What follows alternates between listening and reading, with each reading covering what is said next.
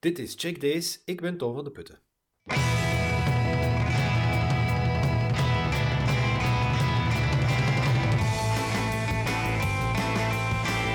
In elke aflevering van Check Days nodig ik een gast uit die drie of vier tips meebrengt. Tips die je absoluut eens moet checken. Deze keer is dat Evi Raas, fotografe en beeldcoach van kinderen. Hallo Evi, goedenavond. Goedenavond. Um, jij bent beeldcoach van kinderen. Wat houdt dat, dat precies in? Kunnen we dat iets toelichten? Goh, dat is eigenlijk uh, ja, fotografie aanleren aan kinderen om hen um, gerichter beelden te laten maken, omdat het een onderdeel is van onze manier van communiceren vandaag. Met de smartphones um, klikken, je hebt een beeld gemaakt in plaats van teksten te sturen. En ik wil kinderen um, ja, bewuster beelden laten maken. Eigenlijk dat ze ja, ook fotograaf worden, maar dan zonder alle technische aspecten erbij. Je hebt er ook een boek over geschreven, hè? Voor, uh, voor ja. kinderen en fotografie. Ja. ja. ja. Goed, uh, je hebt voor ons drie uh, interessante tips verzameld. Um, en een van de, of de eerste is om doelen te stellen en daar dan projecten van te maken. vertel eens. Ja, um, ik ben daar ondertussen al een tijdje mee bezig. Want ah ja, toen ik nog zo ja, 19, 20 was, hè, je bent jong, de wereld ligt aan je voeten en je weet niet goed wat je moet doen. En dan heeft er iemand een tip gegeven om uh, ja, mijn eigen eigenlijk, ja, doelen op te stellen, zodat je daar naartoe kunt leven. En mijn eerste doel was dan om eigenlijk in Mexico te gaan wonen. Um, mm -hmm. Dat dat wel motiveerde om ja, naast de studies te gaan werken en geld te sparen, um, om Spaans als extra taal te leren. Um, en daar dan ook een stage, mijn, mijn eindproject van Public Relations toen, ging ook over PR in Mexico. Um, en ja, uiteindelijk ben ik dan wel niet in Mexico gaan wonen. um, omdat ik dan een vriend heb leren kennen in België. Um, maar uh, ja, dat doel is niet volledig weggegaan, want daarna heb ik dan ingepland om in 2010 die rondreis in Mexico te gaan doen. Waarbij ik dan weer hard moest werken en sparen. En ja, vooral heel veel research over het land, over de cultuur moest uitvoeren. Dus, um, wat, wat heb je daar precies allemaal gedaan in Mexico? Um, toen ben ik daar een, een roadtrip gaan maken. Um, omdat ik dan ja, daar niet was gaan wonen en wel die cultuur veel beter wilde kennen, heb ik een andere manier gezocht. heb ik daar een kever gekocht. Uh, Pablo de Kever heb ik die dan gedoopt. Ja. omdat ik het een beetje origineel wou dan, in plaats van gewoon rond te trekken. En ook de vrijheid van een auto wou hebben. En uh, ja, ik had toen al dat land elf keer bezocht. Dat was toen de twaalfde keer. Ja. En ik wou dat eigenlijk ja, met een verse blik gaan bekijken. Um, dingen waar dat je niet meer bij stilstaat. Hè, dat eigenlijk als... Ja, dat je er naartoe zou gaan alsof dat de eerste keer is dat je in een land komt. Ja. En dan heb ik gewoon aan... Ja, gewoon een blog opgestart en kinderen vragen laten stellen over Mexico. En dan eigenlijk is... antwoord gaan zoeken. Staat die blog nog online? Is dat spelen met fotografie? Is dat die? Um, ja, die staat ergens verborgen nog wel online. Al die mm. vragen en die antwoorden. Um, dat is ja, een sub. Eh, ergens verstopt, hè? Ah, ja. Onder de website. Um, en ja, dat, ja um, door dan met die kinderen bezig te zijn en dan te ontdekken dat er eigenlijk niet veel is van fotografie voor kinderen, zo is dan weer het nieuwe doel ontstaan, waar dat dan weer het project is uitgekomen voor uh, kinderen eigenlijk ja, aan de slag te laten gaan met fotografie. Ja. En uh, dat, is ook, dat is ook zo een van die doelen van ja. Dus je, je zei, doel 1 zal je maar zeggen, is uh, naar Mexico gaan wonen, wat dat dan tien maanden in Mexico rondreizen is. En dan ja. het, het, het beeldcoachen van kinderen is, is ook zo'n doel geweest. En, ja, dat is voortgevloeid uit dat project te realiseren in Mexico, dat je dan merkt van, goh, er is eigenlijk niks voor fotografie Mhm. voor kinderen. Um, en dan ook de nood hoe dat de technologie is toegenomen in de maatschappij. En dat iedereen daar gewoon mee communiceert zonder bewust te zijn wat dat ze in dat beeld vertellen. Ja. En dat, daaruit komt dan een nieuw doel en een nieuw project. Of projecten eigenlijk. Um, dus- En wat, wat valt je zo, zo, zo het meeste op als je zo met kinderen aan de slag gaat in, in de klas? Um, Wow. um, goh, specifiek met de kinderen dan? Of gewoon in de klas? Ja, dat je zegt van da- da- daarom is het toch belangrijk om, om die dingen te doen. Of daarom vind ik dat boeiend om dat te doen. Uh, ja, enerzijds omdat het vertrekt vanuit het kind zijn leefwereld. Hè? Mhm. Ehm, als je een opdracht geeft en je gebruikt daarbij fotografie, dan kunnen ze iets in beeld brengen wat dat zij zelf interessant vinden. Wat dat, ja, geweldig is om dan je leerproces op verder te borduren. Ehm, en wat ik van anderen ook al heb gemerkt, dus dat zeg ik niet alleen, is dat uh, de leerwinst eigenlijk doet stijgen. Dat ze op een andere manier bezig zijn met de leerstof en verschillende aspecten moeten verbinden. Dus ik gebruik fotografie bijvoorbeeld om wiskunde of taal te leren. Ja. Um, en zo absorberen ze dat veel sneller. Dus het is eigenlijk wel een, een manier om ja, in de toekomst uh, nog meer te gaan inzetten om op een andere manier te leren. Ah, Zonder dat je een nieuwe school moet starten. Hè. Je hebt zo ervaringsgericht onderwijs en zo. Uh, maar dan heb je weer een hele filosofie. En dat is eigenlijk wel het sterkte dat die methodiek, ja, dat elke leerkracht dat wel kan inzetten eigenlijk. Mhm. Zonder dat je daar ja, speciale doelen of een speciale school voor moet gaan volgen. En heb je, heb je nu nog doelen gesteld of zijn alle doelen bereikt ondertussen? Um, nee, want ja, de, de, je bereikt dan ergens hè, dat doel en dan komt daar weer een groter doel uit voort. Mhm. Ehm, en ja, mijn, mijn plan is eigenlijk om ja, binnen tien jaar dat dat voor de leerkrachten evident is om fotografie ja, voor bepaalde vakken dat te gebruiken om op een andere manier les te geven. Als en dat een, eigenlijk, ja. Als een, echt als een, als een middel in de klas, zoals dat ze ook zoveel andere middelen gebruiken dan Ja. ja, maar dat is uh, een zwaar doel. ja. En dat heeft veel projecten nodig om dat doel te bereiken.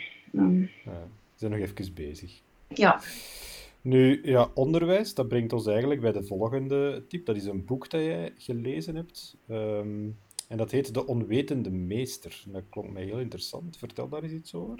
Ja, dat is uh, een boek van Jacques Rancière, die eigenlijk vertelt over um, een leraar, Joseph Jacotot, die, uh, een Fransman die in Leuven in de 18e eeuw les moest komen geven aan de Universiteit van Leuven en eigenlijk geen woord Nederlands sprak. Uh, dus die moest daar ja, iets voor verzinnen. Dus die moest Frans onderwijzen zonder dat hij één woord Nederlands kende aan Nederlandstaligen. En dan had hij gevonden van, God, er is een boek, Telemac, um, dat bestaat zowel in het Nederlands als in het Frans. Dat was in heel veel verschillende talen vertaald. En hij heeft dan gewoon die studenten beide boeken laten lezen, de hoofdstukken, en met elkaar gaan vergelijken. En zo heeft hij eigenlijk de, um, ja, hen het Frans geleerd zonder zelf een woord Nederlands te spreken. Um, dan, ah ja, ik denk dat hij ook projecten had en dat dat dan voortvloeide uit uh, allerlei andere projecten. Mhm. En die is daar de rest van zijn leven is hij daarop verder gegaan. Uh, hoe dat je eigenlijk als leerkracht aan de slag kunt gaan zonder dat je, of ja, dat je een leerling kunt iets aanleren zonder dat je als leerkracht daar zelf iets van weet. Dus eigenlijk ja, onwetend zijn. Um, en, en waarom werkt dat dan volgens jou? Um, omdat um, ja, het, is, het is gewoon grappig dat het al zo oud is en dat dat eigenlijk nog altijd actueel is. Is dat de leerkracht en de leerling die staan op gelijke niveau. Dus je gaat zoeken als leerkracht naar iets wat dat u verbindt, zodat je niet de hiërarchie hebt van oké, ik ben hier de leraar, ik weet hier alles en jij moet het weten, omdat je dan de leerling gewoon niet motiveert. En ik denk dat dat bij alles is, zowel op het werk als op straat, ja, in, in alle omgang met de mensen, je moet iets van gelijkheid zoeken. Um, en dan kun je veel meer bereiken dan dat je in je eigen ivoren toren of zo gaat zitten. Hm. Dus dat is een hele interessante uitgangspunt. En, en, breng jij dat dan in de praktijk? Want jij, jij bent fotograaf natuurlijk, dus niet echt onwetend. Allee, toch niet zo onwetend als iemand die... Uh, uh, ja, misschien wel iemand die Franstalig is en Frans geeft dan Nederlandstalig, maar je, allee, bedoel, je, je, weet er al zoveel van. Hoe, probeer je dat in de praktijk te brengen? Ja, nou, het leuke met fotografie is dat er zoveel is dat je nooit alles gaat weten. Uh, maar als ik met die kinderen omga, dan um, sta ik op gelijke voet in van oké, ik weet dat zij de dingen bekijken zoals ik het vergeten ben of nog nooit heb gezien. En ik sta daar heel hard voor open. Hm. Dus als ik dan met hen werk in projecten of gewoon in een workshop van een halve dag, dan uh, je gaat mij daar nooit boven zetten, maar stel ik me altijd open van oké, ik kan ook iets van hen leren. Hm. Zijn er ook dingen die je dan echt... Uh, is, is dat een soort handleiding, de onwetende meester? Of is dat meer een, uh, het verhaal of, of, of een ehm, autobiografie? Of? Nee, dat is een, de, de geschiedenis, enerzijds, van Joseph Jacoto. Ehm, maar er zijn ook een aantal concrete aspecten, ehm, zoals dat je de grens moet oversteken tussen leerling, leerkracht en het ding. omdat er, meestal zit er een hiërarchie in. Um, maar dat die los van elkaar staan en dat je die eigenlijk uh, anders gaat inzetten. En dat je ook heel veel vragen stelt. Dus hij is erin geslaagd ook gewoon ja, leerlingen uh, vioolles en zo te geven, zonder dat hij zelf viool kon spelen, gewoon door vragen te stellen. En met de kennis die ze al hadden, daarop verder te bouwen en door te experimenteren. Um, en ja, eigenlijk door de ervaring zelf op te bouwen, hebben ze dan ontdekt om zelf um, ja, viool te spelen. Uh, dat dus... lijkt me wel iets waar de meeste leerkrachten heel onzeker van zouden worden. Is dat... Ervaar je dat ook? Of, of uh... um, ja, dat is nu niet dat ik uh, die hele filosofie direct daarin implementeer. Mm. Ik heb dat nu een, een goed jaar geleden of zo, ja, heb ik dat boek leren kennen. ik merk wel dat ik daar, um, ja, dat ik dat stiekem toch wel meer en meer gebruik. Um, vooral dan uit experimenteren en die grenzen durven oversteken. Hm. Dus het is nu niet dat ik dat uh, aan de leerkrachten zeg van en nu moet je alles. nee, maar als die, als die u bezig zien of ze vragen van ah, weet je dat allemaal? Dan zeg je van ja, nee, ik weet dat niet. Of ik doe, ik doe ook maar wat. Allee, dus ik doe niet zomaar wat, maar uh, je werkt toch uh, in een eh. zekere onzekerheid of in een, een experimentele manier. Het is nu niet dat ik veel leer spelen. Hè, nee, nee, dat lijkt me ook wel heel extreem qua Ja, het gaat, wel over, het gaat wel over fotografie. Hè, dus ja. in dat opzicht ben ik dan niet onwetend. Mm Het is misschien wel boeiend om ooit inderdaad een keer iets les te geven op die manier. Dat ik daar niks van ken, dat leer je zelf ook bij. Um, maar ja, ik denk dat het gewoon vooral een attitude ook is. En uh, jezelf een vraag durven stellen. Want ik doe dat heel hard, ook buiten, buiten dat project. Um, dat, ja, wat betekent dat fotograaf zijn? Dat staat zo op de helling, dat is zo veranderend. En ik durf daar zelf in veranderen en, en andere mensen mij laten beïnvloeden om daarin te veranderen. Ja.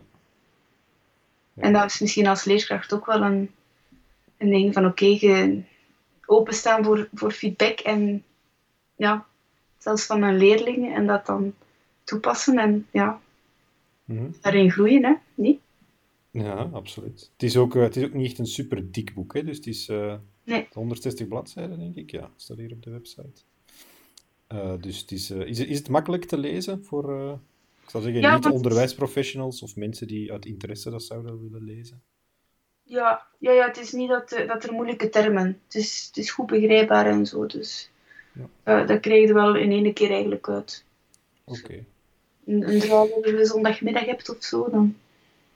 Hm. Met, met concrete voorbeelden ook, dus het is, het is zeker niet alleen theoretisch. We zetten de link in de show notes, dus mensen kunnen dat daar gewoon aanklikken en eventueel aankopen als ze willen.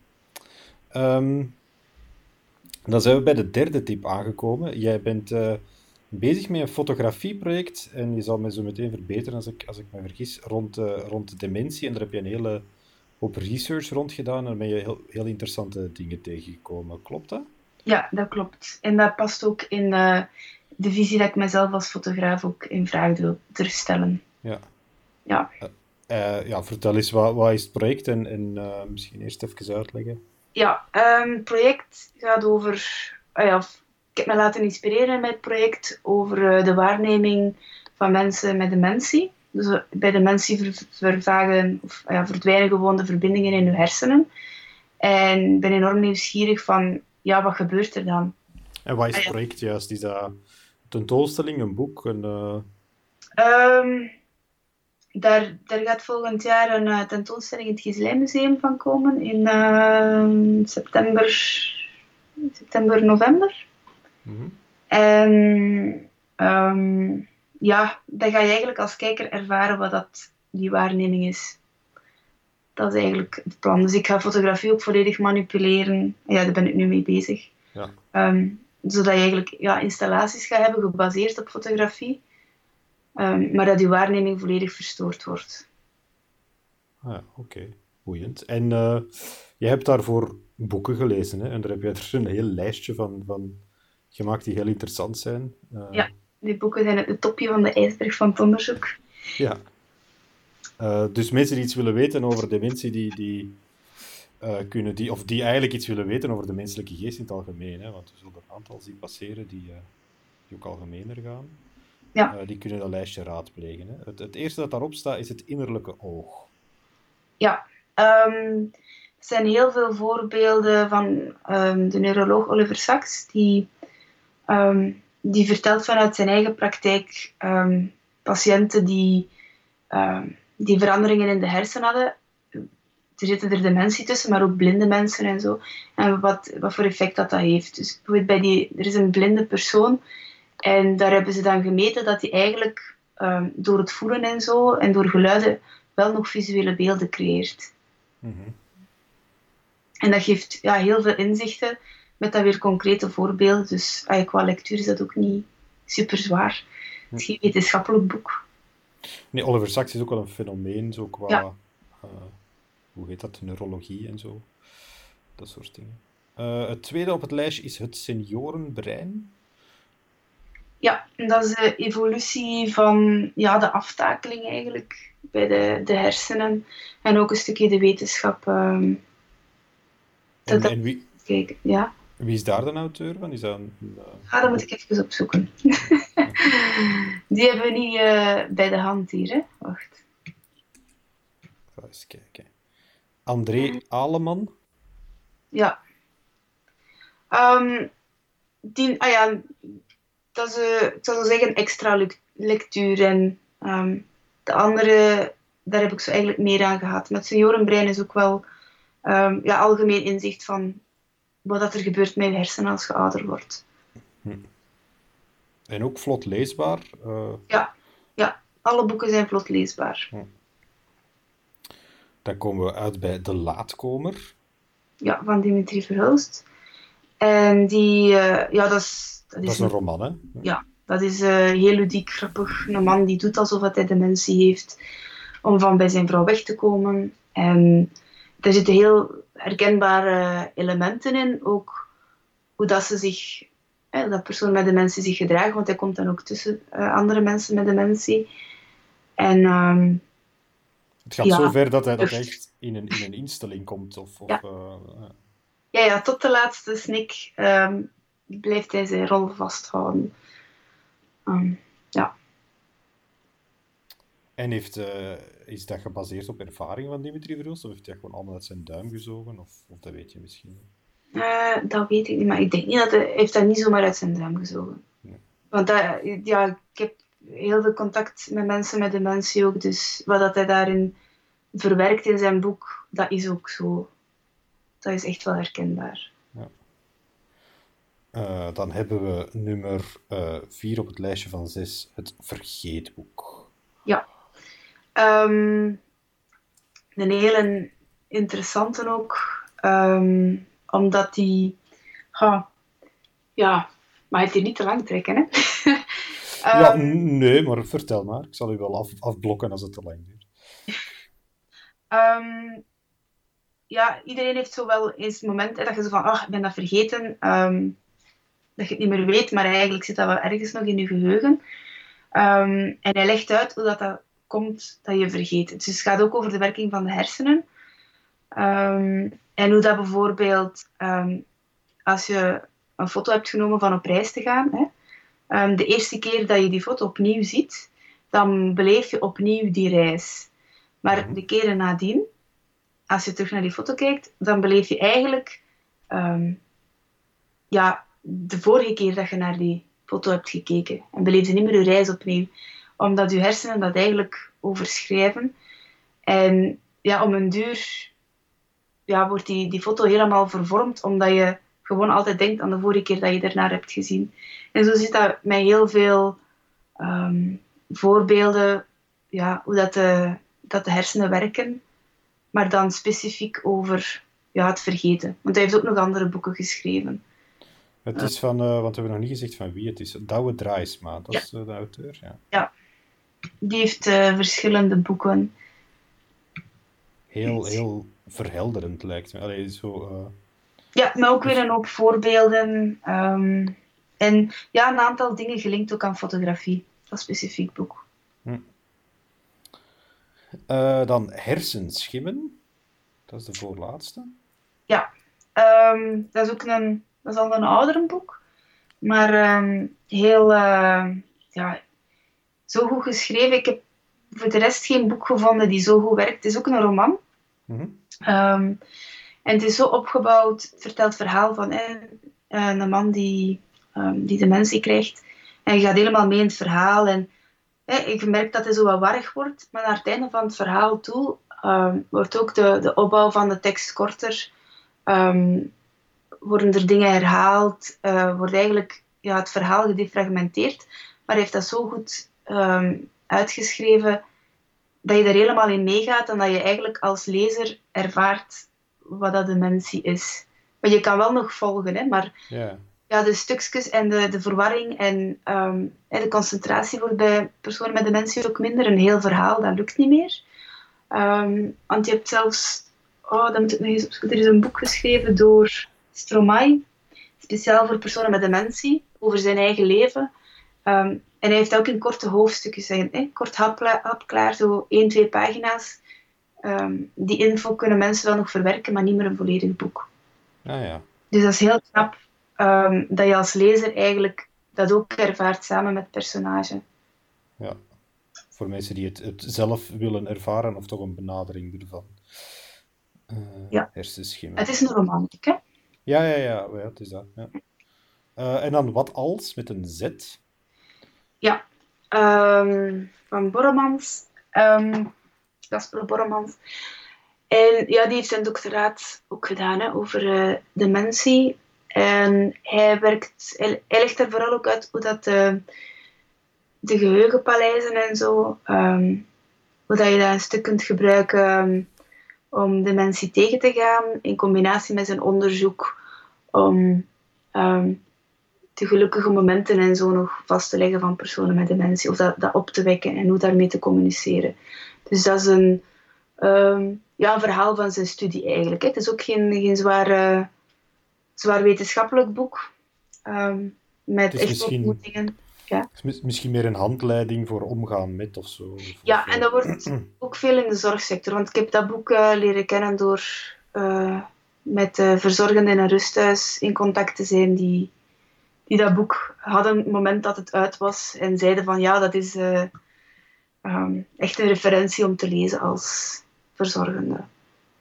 Die heeft ook een, een soort gezelschapsspel gemaakt uh, op basis ervan, om te spelen met mensen die uh, dementerend zijn, dacht ik. Ja, ja nog, dat is ook nog niet zo lang, ja. We gaan proberen van die, van die link ook mee te geven als ik daar iets van vind. Uh, goed, dan zijn we door dat lijstje door. Dus mensen die. Het hoeft niet alleen over dementie te gaan, hè, maar mensen die geïnteresseerd zijn hoe dat hun brein en het brein van anderen werkt als ze jong zijn of al wat ouder worden, die kunnen bij dat lijstje zeker, zeker terecht, denk ik. Hè. Ja. Uh, alle links daarnaar die komen in de show notes. Um, goed, dan zijn we, zijn we er door, door ons lijstje. we zijn iets langer gegaan dan gepland, maar dat is niet zo erg. Het was denk ik interessant en uitgebreid. Um, zo, in elk geval heel erg bedankt, Evi, voor het delen van, van deze tips. Um, Gedaan. Kunnen de mensen jou online vinden ergens als ze zeggen van daar wil ik nog wel meer dingen van volgen of ze willen u een keer in huis halen als beeldcoach of zo? Waar uh, ben je te vinden?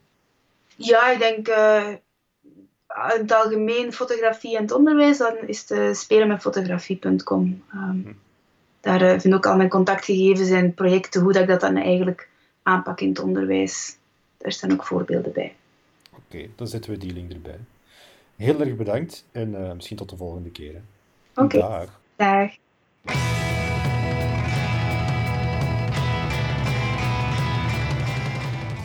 Bedankt om te luisteren naar Check Days. Je vindt alle tips en links uit deze aflevering in de show notes en op de website www.checkdays.be. De muziek bij deze podcast is van WJLP. Je vindt hen op SoundCloud. Vind je Checkdays leuk? Abonneer je dan via je favoriete podcast-app of volg Checkdays op SoundCloud en vertel het voort aan al je vrienden. Heb jij een vraag of heb je zelf tips voor Checkdays? Laat het dan weten via Check Podcast op Twitter, stuur een berichtje op Facebook of mail naar info.checkdays.be. Dat was het voor deze aflevering van Check Days. Tot de volgende keer.